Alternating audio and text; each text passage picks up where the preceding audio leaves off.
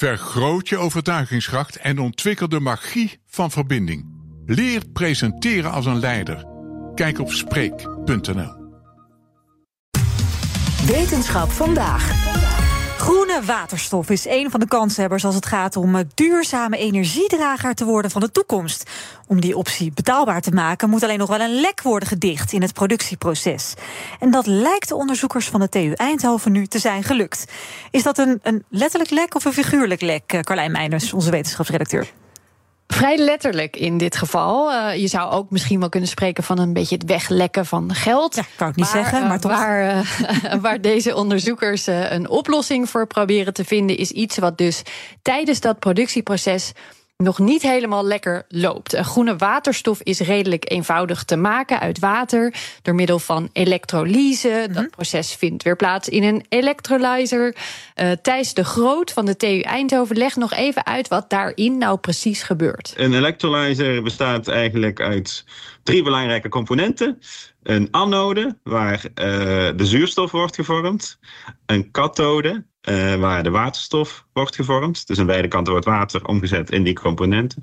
En een membraan dat ervoor zorgt dat de zuurstof en de waterstof van elkaar gescheiden blijven. Ja, en dat stoppen ze dan eigenlijk in een apparaat of een apparaatje. Is dat groot of klein? Uh, nou, de Groot vertelde dat je, als je kijkt op industriële schaal, dan kun je denken aan een cilinder van 2, 3 meter in diameter en mhm. zo'n 10 meter in lengte. Dus best wel flink. Ja. En daarin zitten dan 300 tot 400 e cellen eigenlijk. Dus dat zijn echt flinke installaties. Maar in het lab waar dit onderzoek is gedaan, gebruikten ze wel een veel kleinere opstelling. Ja, en wat is bij die waterstofproductie dan precies het probleem als het gaat om die lekkages? Nou, er zijn verschillende elektrolyse technieken. De goedkoopste variant, uh, die daardoor ook waarschijnlijk het meest aantrekkelijk is, die is niet heel flexibel. Uh, dat betekent, hij kan niet goed omgaan met variatie in wind en zon. Oh. En die zal er zeker zijn. Ja. Um, nou bestaan er dus ook andere technieken. Die zijn daar weer beter in, maar die zijn dan weer heel duur. Dus hier wilden ze kijken, kunnen we die goedkope variant van elektrolyse beter, flexibeler maken? Een van de problemen is dat het membraan, waar ik het over had, dat is niet perfect. Dus dat membraan moet die waterstof en die zuurstof uit elkaar houden. Alleen er lekt toch altijd een klein beetje waterstof doorheen. En dat is met name een probleem als die electrolyzer maar op een heel laag pitje draait. Want wat gebeurt er dan? Nou, in dat geval is er dus heel weinig wind of zon. En dan wordt er ook maar heel weinig zuurstof gemaakt. En dan lekt ondertussen dat waterstof door het membraan heen. Uh, en dan komt die waterstof bij het zuurstof. En als je heel veel zuurstof maakt, is dat geen enkel probleem. Dan zit er een klein beetje waterstof in de zuurstof, is jammer. Het is een beetje efficiëntieverlies. Maar als je heel weinig zuurstof maakt, dan wordt die hoeveelheid waterstof in de zuurstof te groot. Ja, en dan doe ik even een Bassie en Adriaantje, dan krijg je. Boom. Ja, dan zou het potentieel kunnen ontploffen. En dat wil je natuurlijk nooit hebben. Dus daar, daarom moeten die, die versies van electrolyzers nu nog worden uitgezet. als er maar een beetje wind of zon is. Dat is natuurlijk zonde. Mhm.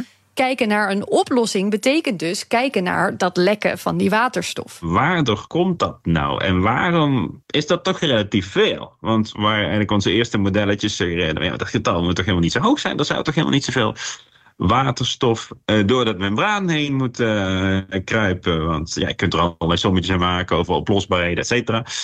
Toen kwamen we tot de conclusie dat oververzadiging een heel belangrijke rol speelt. En, en wat is dat over verzadiging? Ja, verge ja, vergelijk het met een flesje bier of frisdrank. Als Ja. het nog dicht zit, dan lijkt het heel rustig, lijkt er niet zoveel aan de hand te zijn. Maar draai je hem open, dan blijkt er toch heel veel gas in zo'n flesje te zitten. En daar hebben ze ook last van bij dat membraan. Aan de rand van het membraan hebben we flinke oververzadiging. En dat zorgt er eigenlijk voor dat er zoveel waterstof door het membraan heen gaat. Ja, en, en hoe ontstaat dat dan? Die oververzadiging, ja, dat ontstaat uh, dus aan de kant van het membraan waar waterstof wordt gemaakt. En die waterstof die je maakt, dat moeten eigenlijk belletjes worden. En die belletjes ga je vervolgens afscheiden. Maar niet al die waterstof komt meteen in belletjes terecht. Een gedeelte van de waterstof die je maakt, die blijft in die oplossing zitten. En dat is, ja, dat is oververzadiging. Oké, okay, dus dat is het probleem. Maar wat is dan Ja. de oplossing? Uh, die hebben ze dus gevonden en die is als volgt. Je moet de afstand tussen je elektroden en dat membraan moet je iets vergroten. Het, moet, het hoeft geen heel groot gat te zijn, maar als je dat iets vergroot. Dus als je daar normaal probeert, zetten we eigenlijk altijd drukken we die elektroden tegen het membraan aan. Zero gap, nul gat. En als je er nou een paar honderd micrometer gat tussen maakt, dan plotseling, ja, dan is die overzadiging een stuk lager. Ja, en dan wordt die lekkage dus minder. Precies. Ja, alleen gaat het ook op grote schaal werken? Ja, eh, bij die eh, grote cilinders die ik eerder al noemde, moet dat geen probleem zijn. Wel iets waar ze dan preciezer nog in vervolgonderzoek naar gaan kijken. Hoe pas je dit mechanisch dan het slimst aan? Uh, ook in samenwerking met de industrie. Uh, blijkt dit te werken, dan zijn andere dingen ook weer mogelijk. Als dat lekken geen probleem is, kun je bijvoorbeeld ook de druk lekker gaan opvoeren. Heb je misschien niet eens compressoren meer nodig. Ook heel interessant.